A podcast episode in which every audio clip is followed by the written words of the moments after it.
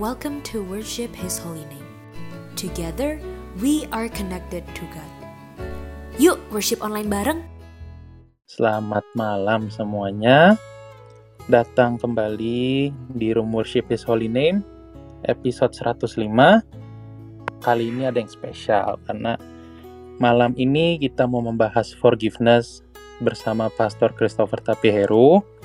Tapi juga room ini seperti biasa open buat semuanya.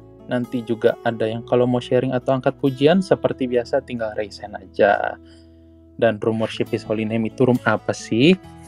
Room worship His Holy Name itu room yang kita pakai buat memuji Tuhan, buat menyembah Tuhan, juga buat sharing ke sesama, sharingnya tentang apa. Kalau di hari-hari yang lain biasa kita sharing tentang kebaikan Tuhan atau tentang pergumulan yang pernah kalian alami atau pergumulan yang sedang kalian alami kita bisa sharing di room ini. Dan feel free buat sharing. Dan juga jangan lupa follow rumah hijau di atas biar kalau kita buka room kalian dapat notificationnya. Dan di situ juga ada jadwal tetap kita Senin sampai Sabtu, Senin, Rabu, Jumat jam 7.30 malam, Selasa, Kamis, Sabtu jam 11 pagi waktu Indonesia bagian Barat. Dan juga kalau mau sharing jangan malu-malu, jangan ragu-ragu karena nggak ada yang namanya sharing jelek. Dan kita di sini juga nggak akan ada yang ngejudge dan kita semua akan menjadi pendengar yang baik. Mungkin itu aja dari aku. Kalau ada tambahan silakan Jimmy Christian. Menarik, Audrey sudah komplit ya. Tadi doa udah ya, Audrey ya? Udah tadi ya, di Instagram udah ya? Oh, belum itu bisa di follow Instagram kita worshiphisholyname.id. Di situ kita suka post kutipan-kutipan dari sharing yang ada di room ini. Dan juga kalau kalian mau titip doa, bisa di DM aja ke Instagram kita. Nanti kita bawain, kita doakan di doa penutup di room worship kita. Mungkin itu aja. Terima kasih. Mantap. Thank you, Audrey. Oke, nah kita langsung aja nih sebelum kita masuk ke pembahasan tentang forgiveness. Ini tema yang menarik banget nggak sih, Chris? Buat kita Banget. pasti aduh, banyak banget dari kita yang masih bergumul ya tentang ini. Karena jujur mengampuni itu nggak gampang. Benar Iya. banget, benar benar.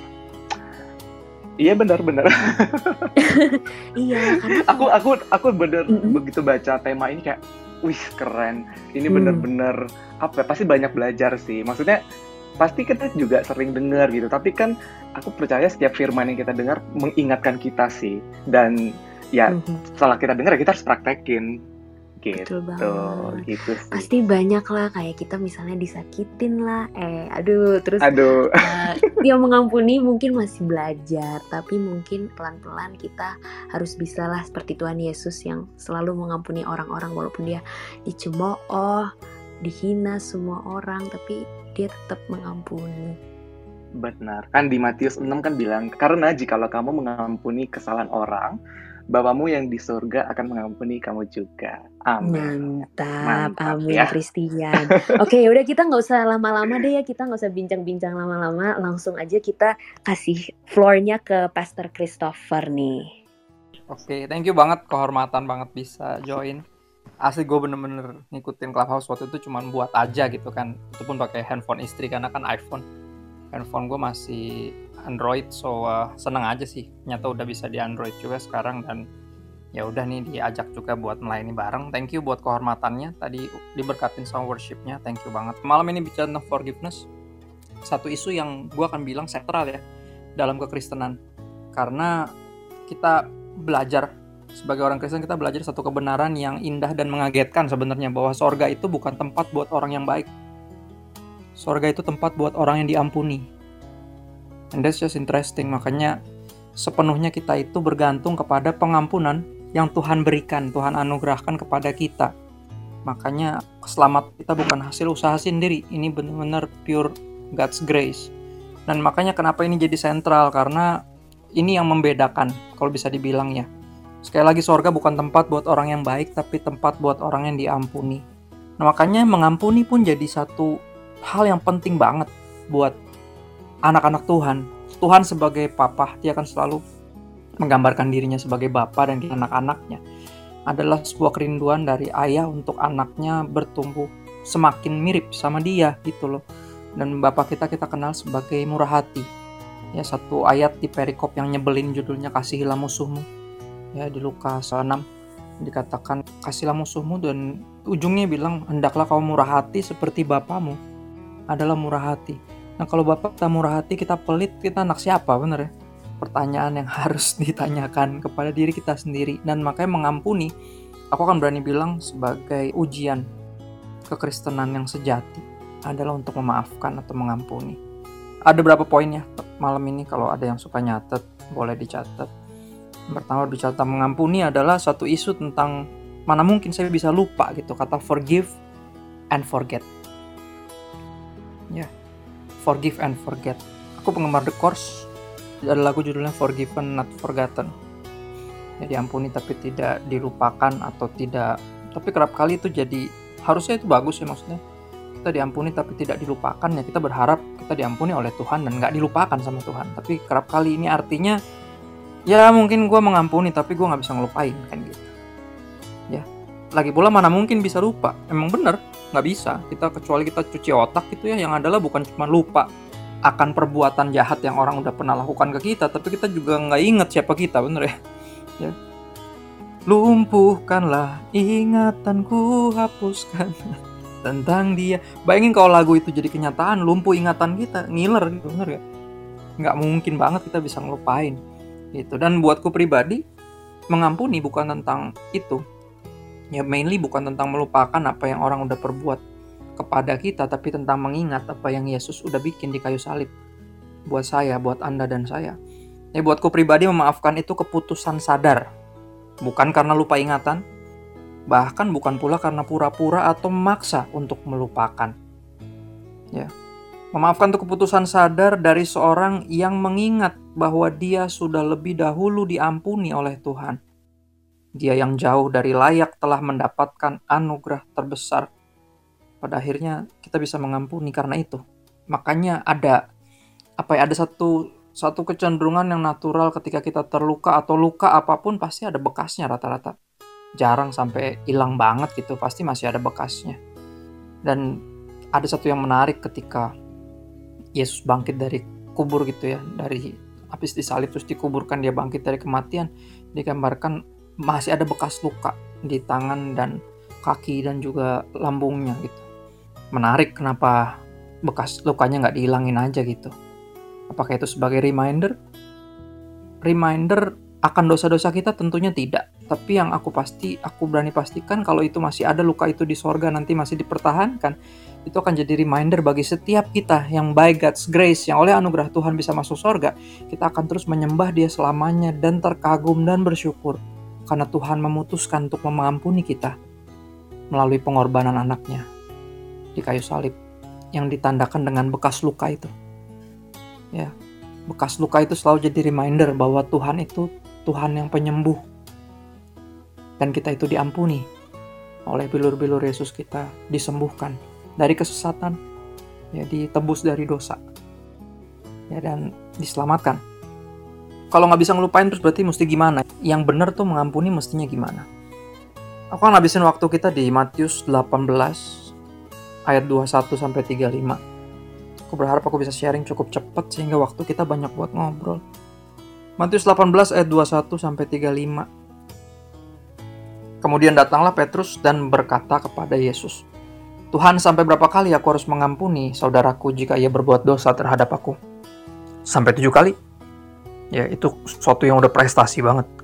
Kasarnya kalau orang bikin salah tuh kita awas loh ya. Udah dua kali nih, awas sampai tiga kali loh. Yang berhadiah piring cantik gue lempar ke muka lo, bener gak? Sabar manusia ada batasnya, kita selalu bilang gitu. Dan ini dia kasih prestasi, bahkan coba naikin standarnya mengampuni sampai tujuh kali dan Yesus Tuhan Yesus malah ngejawab satu yang mengagetkan, bukan. Bukan sampai tujuh kali, aku berkata kepadamu bukan sampai tujuh kali, melainkan sampai tujuh puluh kali tujuh kali, artinya tidak terbatas. Tujuh puluh kali tujuh kali itu banyak sekali. Ya, dan itu dalam satu hari untuk kesalahan yang sama. Ya, kita ngampunin orang dua kali aja belum tentu mau gitu. Oh, awas loh, awas ya. Sekali loh. Awas loh. Nah gitu selalu gitu.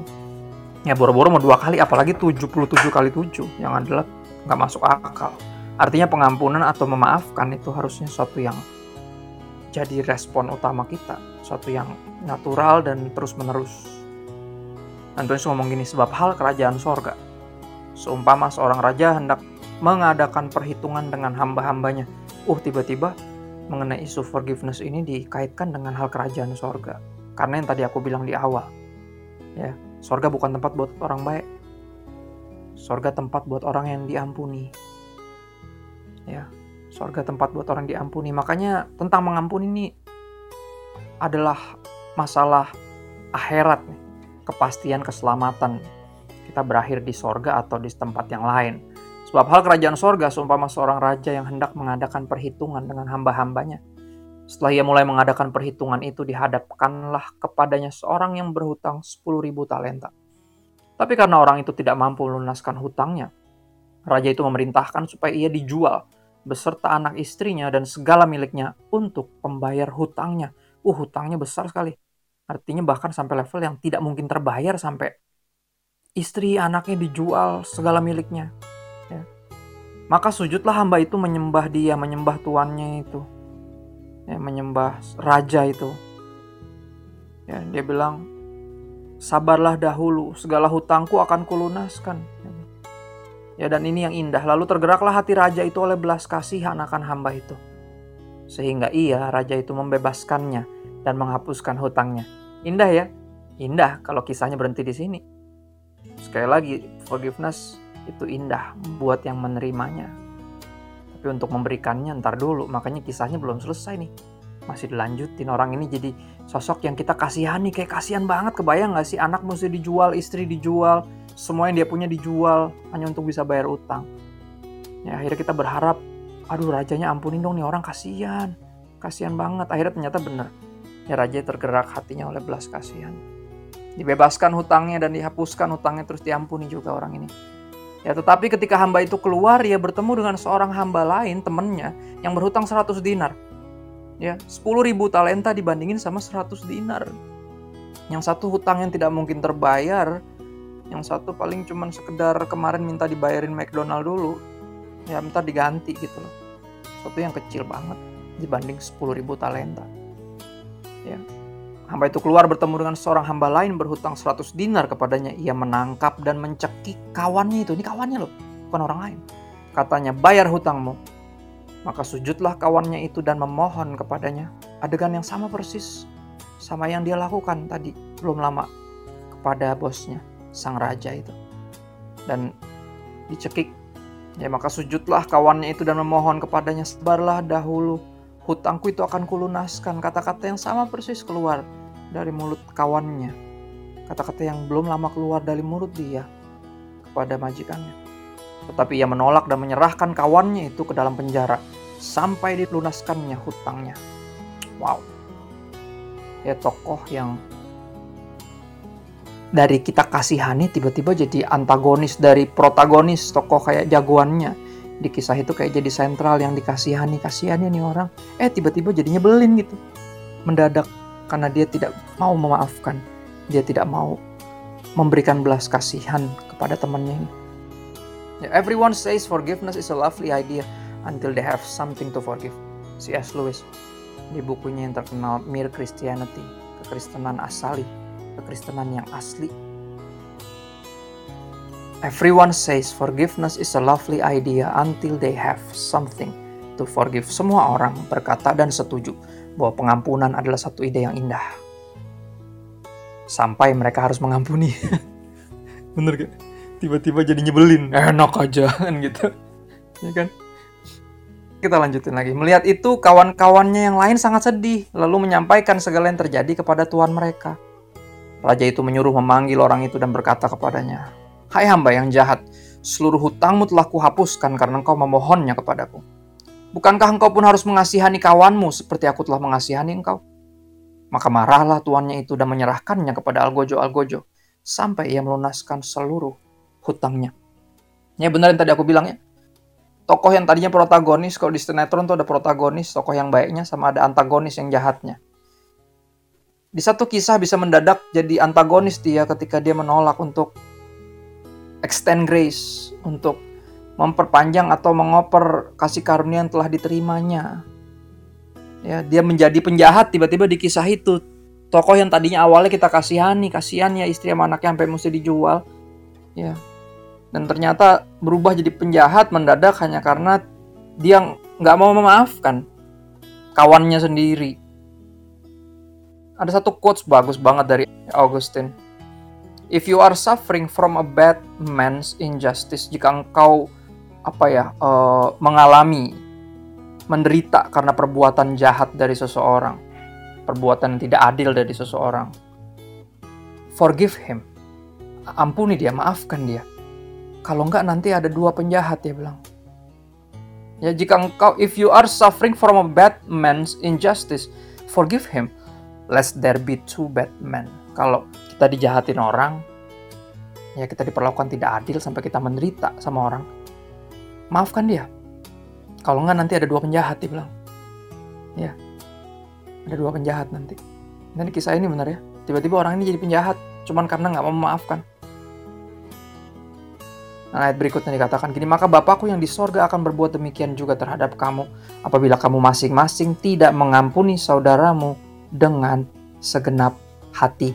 Kalau teman-teman yang muslim berkata harus belajar mengampuni, memaafkan lahir dan batin dengan segenap hati. Menarik ya. Dan aku berani jamin bahwa mengampuni, ya forgiveness, itu benar-benar ujian kekristenan.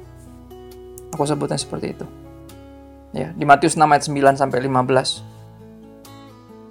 Bisa dibaca lengkap juga tentang itu. Ya menarik, Matius 6 ayat 9 itu bicara tentang doa Bapa kami. Doa Bapa kami yang salah satu poinnya adalah Bapak ampuni kami sebesar kami ngampunin orang yang bersalah kepada kami. Permintaan yang berbahaya loh. Ya kan kita pengen diampuni sepenuhnya, seutuhnya. Dosa kita dihapuskan, utang kita dibayarkan. Nggak, dan kesalahan kita nggak diingat-ingat lagi. Tapi somehow ketika kita udah giliran kita mengampuni, memaafkan, kita nggak mau. Ya maafnya kita bersyarat. Ya, kita ngampunin orang setengah, nggak sepenuhnya. Dan di doa itu kita minta loh, Bapak ampuni kami seperti kami juga mengampuni orang yang bersalah kepada kami. Artinya Tuhan ampuni saya sebesar saya mengampuni orang lain. Ih, permintaan yang berbahaya kalau direnungkan. Semua yang terbiasa menghafal doa Bapa kami yang mengulang-ulangnya seperti mantra jadi kaget sendiri, bener gak? Kita mendoakan sesuatu yang mengerikan sebenarnya. Kita berdoa, Tuhan ampunin saya sebesar saya ngampunin orang. Nah kalau kita ngampunin orang setengah, bersyarat, ya dengan dengan catatan kaki catatan besar dengan ancaman awas loh ya sekali lagi loh ya. Artinya apa? Kita berharap kita minta sama Tuhan Tuhan ampunin saya kayak gitu dong. Ya nggak usah seutuhnya segitu aja segitu dengan ancaman dengan dengan kesalahan dengan ketidakrelaan gitu. Tuhan segitu aja Tuhan ngampunin sebesar saya ngampunin orang lain ya dan di akhir dari doa bapak kami aku pikir pelajaran doanya habis di amin tapi ternyata enggak Ya, ditutup dengan ini. Karena jikalau kamu mengampuni kesalahan orang, Bapamu yang di sorga akan mengampuni kamu juga. Tetapi jikalau kamu tidak mengampuni orang, Bapamu juga tidak akan mengampuni kesalahanmu. Ngeri banget ayatnya sebenarnya. Dan itu baru berakhir. Ya dari semua poin di doa Bapa kami, Tuhan Yesus merasa perlu menekankan di poin sentral, yaitu pengampunan. Ya pengampunan. Dan mengingatkan kita seberapa penting sih mengampuni ini. Oke aku tutup dengan ini perenungan sederhana dari Lukas 15 dikisahkan dua orang anak. Ya seorang ayah punya dua orang anak yang satunya yang bungsu begajulan yang sulung gak baik-baik di rumah gak pernah aneh-aneh selalu nurut. Nah yang bungsu minta warisan sebelum papanya mati kurang ajar banget soalnya dia kayak nyumpain pak lu bisa mati aja gak sih peburuan gue pengen duit lu gitu lama banget ya, dia minta duluan di depan. Nampaknya dia merengek sampai papahnya mengabulkan permintaan itu. Dan dibagilah harta itu di kedua anaknya karena harus adil. Bahkan menurut peraturan Yahudi, eh, adat Yahudi, budaya Yahudi, anak sulung dapat dua kali lipat jumlahnya banyaknya daripada adiknya. Ya makanya ada istilah berkat sulung, buah sulung, dan segala macam yang sulung karena selalu melambangkan tentang Yesus. Yang sulung di antara banyak saudara yang lebih dahulu bangkit dari kematian kan gitu. Ya. Dan digambarkan seperti itu akhirnya di dapatlah dia warisan seperti yang dia mau, semuanya dijual jadi duit. Pasti ada yang bentuknya tanah, ada yang bentuknya kambing mungkin domba atau apa. Dijual jadi duit semua terus dia pergi keluar kota untuk foya-foya. Habislah semuanya, berakhir di kandang babi dia. Kerja jagain babi, hampir mati kelaparan, nggak tahu makan apa, mau makan ampas makanan babinya juga nggak dikasih sama bosnya. Akhirnya dia menyadari gue ngapain ya di sini gue mati konyol. Gue hampir mati kelaparan, sedangkan pembantu di rumah gue aja nggak ada yang kurang makan. Ya, akhirnya dia memutuskan untuk pulang, beraniin diri untuk pulang. Dan ternyata disambut sama papanya luar biasa dipestain. Dan kakaknya nggak terima. Ya kakaknya nggak terima. Sepanjang pesta kakaknya di luar rumah nggak mau masuk di luar rumah nggak mau masuk papanya sampai bingung nanya sama hamba-hamba yang lain di mana si koko mana si kakak mana? Ada tuan tapi di luar. Nggak mau masuk tadi saya udah ajakin nggak mau. Ya, akhirnya papanya keluar. Menarik papahnya masih punya hati buat anaknya yang lagi galau ini lagi-lagi bingung dia lagi nggak terima. Kok bisa bisanya orang kayak gitu dipestain? Ya, seorang sejahat sekurang ajar itu segoblok itu bisa dipestain. Aneh bapak gua nih. Akhirnya papanya keluar terus dia bilang gini sama anaknya. Yuk ikut ke dalam yuk. Ayo dong dan dia nggak mau dia marah. Papanya baru keluar belum ngajak loh. Udah digambrengin. Kalau kita baca Lukas 15 kita akan kaget. Papanya baru keluar mau ngajak masuk. Dimarahin habis-habisan yang sulung. Dia bilang ya selama ini gue nggak pernah melawan lo. Gue nggak pernah nggak nurut. Gue selalu nurut. Gue nggak pernah minta yang aneh-aneh. Ya tapi lu nggak pernah pestain gue ya gian datang anak lu tuh. Yang udah buang-buang duit.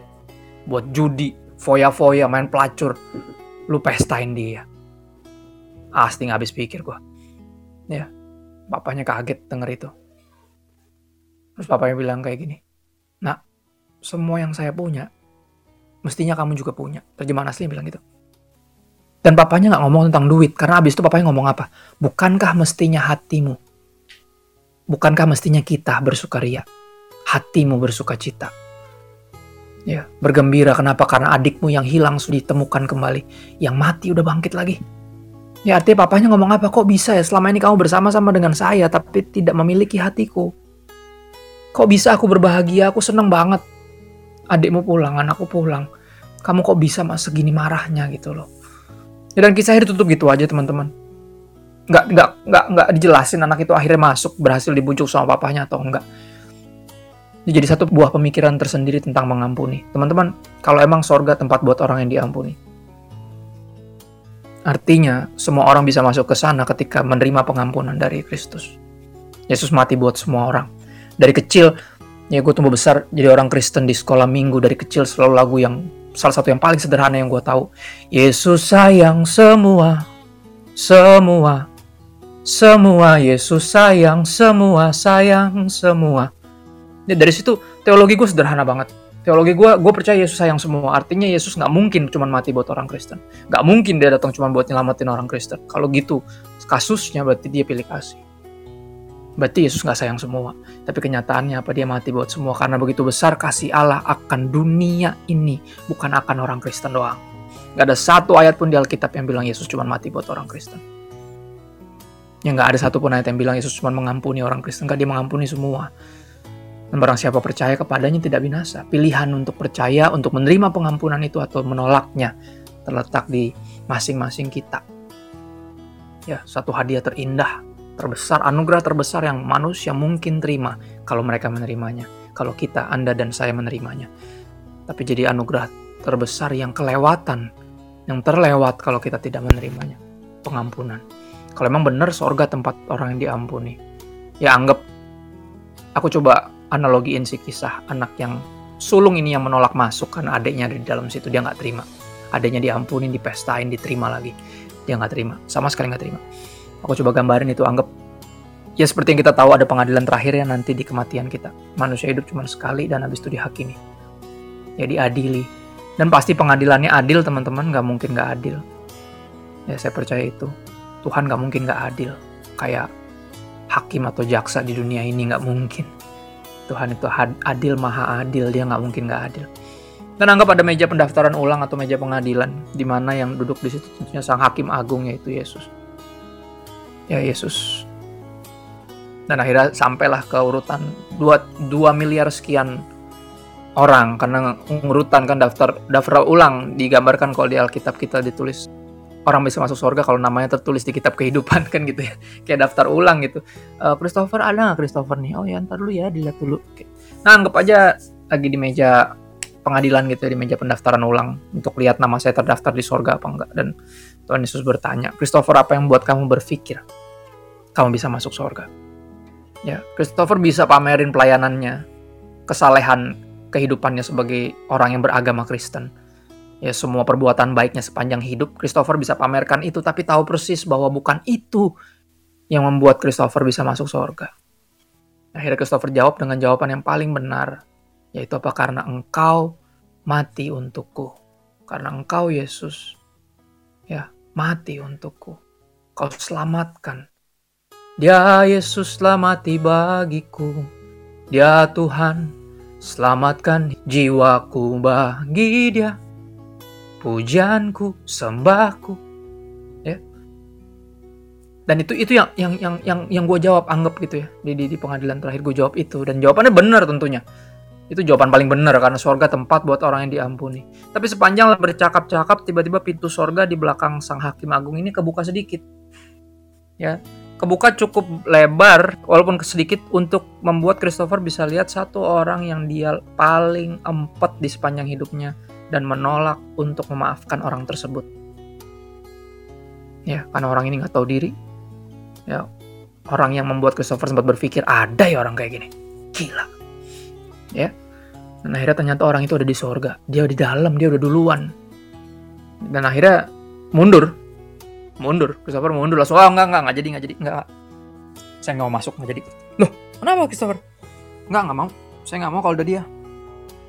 Enggak banget enggak mau saya nggak mau masuk surga kalau udah dia dan akhirnya Pak Christopher dengan anehnya dengan ngerinya ya apa ya kalau kata Bruno Mars tuh lock out of heaven terkunci di luar pintu sorga.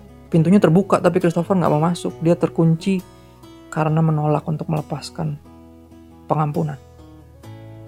Apa ada satu orang yang kemungkinan besar udah bertobat dari dosanya yang dulu dan udah minta ampun sama Tuhan Yesus dan menerima pengampunan dari Yesus. Dan orang ini akhirnya oleh anugerah Tuhan bisa masuk surga. Yang Christopher nggak mau masuk surga karena ada orang itu. Gua nggak mau masuk surga kalau ada dia. Nggak, nggak ada. Ini sebuah penggambaran yang mengerikan sebenarnya. Ya, pengen ketawa tapi nggak lucu karena ngeri. Ya ketika kita menahan untuk memaafkan. Makanya bahasa bahasa untuk mengampuni dalam kekristenan itu bentuknya melepaskan pengampunan. Ya, karena pada akhirnya itu itu sesuatu yang kita tahan. Karena kita berpikir orang itu nggak layak menerimanya. Seolah kita layak menerima pengampunan, benar nggak? Ya, aku tutup dengan satu quote sederhana berkaitan dengan doa yang keluar dari mulut dia yang tersalib karena dosa-dosa kita. Bukan hanya berbuat dosa kita teriak salibkan dia, salibkan dia. Dan dari atas kayu salib kata pertama yang keluar dari mulutnya adalah doa. Dia berkata, Bapa ampuni mereka, mereka tidak tahu yang mereka perbuat. Ya. Dan meyakinkan saya, hanya yang benar-benar anak yang mampu berdoa melepaskan pengampunan seperti Yesus. Hanya yang benar-benar anak yang bisa memanggil Tuhan sebagai Bapa dan hanya yang benar-benar anak yang bisa berdoa Bapa ampuni mereka mereka nggak tahu yang mereka perbuat. Itu aja sih Malmin dari aku mudah-mudahan sederhana kita ngobrol yuk. Thank you teman-teman. Wow, thank you so much, Pastor Christopher. Worship His Holy Name. Kami ada setiap Senin sampai Sabtu, Senin Rabu Jumat pukul setengah delapan malam, dan Selasa Kamis Sabtu pukul 11 pagi. Jangan lupa untuk follow Rumah Hijau Club Worship His Holy Name supaya kalian gak ketinggalan setiap kali kita open room worship. Follow juga Instagram kita di at worshiphisholyname.id. Teman-teman juga feel free untuk DM IG kita yang butuh tempat untuk cerita atau ada titipan doa untuk bisa kita doakan sama-sama di Worship His Holy Name. Worship His Holy Name. Together, we are connected to God.